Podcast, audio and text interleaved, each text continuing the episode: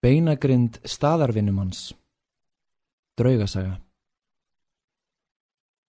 Það bar til á vestfjörðum að gengið var á reka sem tilherði kirkju að fannst samtengdin öll af mannsbeinagrind og tunga heil í höfði. Var hún tekinn og flutt heimað staðnum og látin á hurðarbæki í kirkju. En þar næst er grafið var, var hún látin í gröfina, en morgunin eftir var hún komin upp úr gröfinni og lá ofan á leiðinu og var það reynd þrisvar þá grafið var að láta hana í gröfina en alltjönd fór á sömu leið.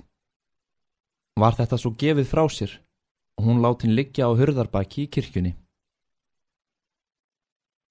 Svo kom að því að prestur sama staðar let prófast sinn taka sig til sakramentis. Fór þá heimaprestur að segja prófasti frá þessum atbyrðum. En þegar prófastur heyrði það, vildi hann fyrir hvern mun að fá að sjá beinagrindina og byður prest að láta einhvern af heimafólki sínu sækja hana, en af því myrt var orðið vildi engi verða til þess nema ein vinnukona. Hún tók likilinn, fór út í kirkju, greip beinagrindina, kom með hana og kastaði henni á gólfið. En þegar prófastur sér hana, verður hann döð hrættur, byður að taka hana sem fljótast frá augum sér. Bað svo húsbóndi vinnukonunar hana að fara með hana aftur út í kirkju. Hún svaraði, ég lofaði einungis að sækja hana, en ekki að fara með hana aftur. Samt gjörði hún það fyrir bón prestsins, því ekki var til annar að flýja. En þegar hún var komin miðja leið, sagði beinagrindin á herðumennar. Berðu mig, dragðu mig ekki. Þá segir stúlkan, kreftu þið þá. En þegar hún kemur að sálarhliðinu, segir beinagrindin við stúlkuna. Ég byrð þig að standa við meðan ég segi þér frá mér. Hún gjörði það. Þá sagði beinagrindin. Ég var fyrir eina tíð vinnumadur á þessum stað hjá prestin okkrum er dóttur átti.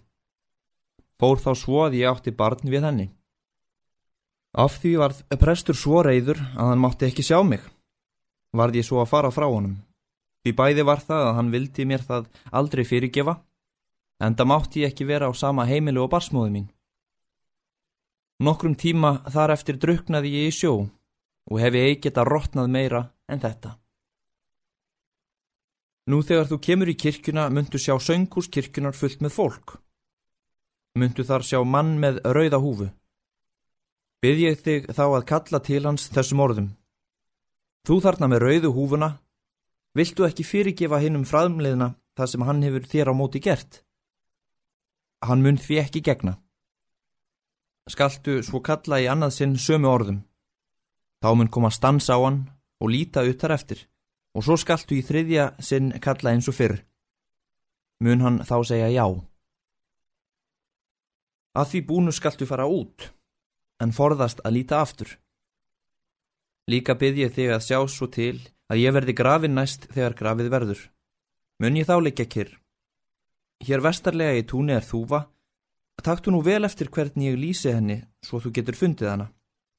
Í henni eru peningar sem engi hefur gagna af skaltu þá taka og hyrða fyrir fyrirhöfn þína á mér. Myndu verða gæfu hvern maður. Þegar stúlkan kemur í kirkjuna sér hún eins og beinagrindin sagði að allt sönghúsið er fullt af fólki og einn með rauða húfu. Hún kallar og segir Þú þarna með rauðu húfuna. Viltu ekki fyrirgefa hinn framliðna það sem hann hefur þér á móti gert? en rauðhúfumadur veittið því engin ansvör. Svo kallaði hún í annað sinn, fór þá eins og beinagrindin hafði fyrir sagt og eins í þriðja sinn. Svaraði þá rauðhúfumadur, já. Að fengnu því svari snýri stúlkan sér við, en þegar hún ætlaði að ganga út, heyrir hún á baki sér að sagt er, sjá þú í mín augu hver rauð þau eru. Þá flettir hún upp um sig að aftan utanhafnar pilsi og segir Sjá þú í minn rass hver svartur hann er. Svo gengur hún inn í stað og lætur engan vita hvað gerst hafði. Þegar næst var grafið leggur hún sín orð til að reynd sig að grafa beinagrindina og bar ekki á henni upp frá því. Hún fann þúfuna eftir ávísun beinagrindarinnar og það er mikla peninga.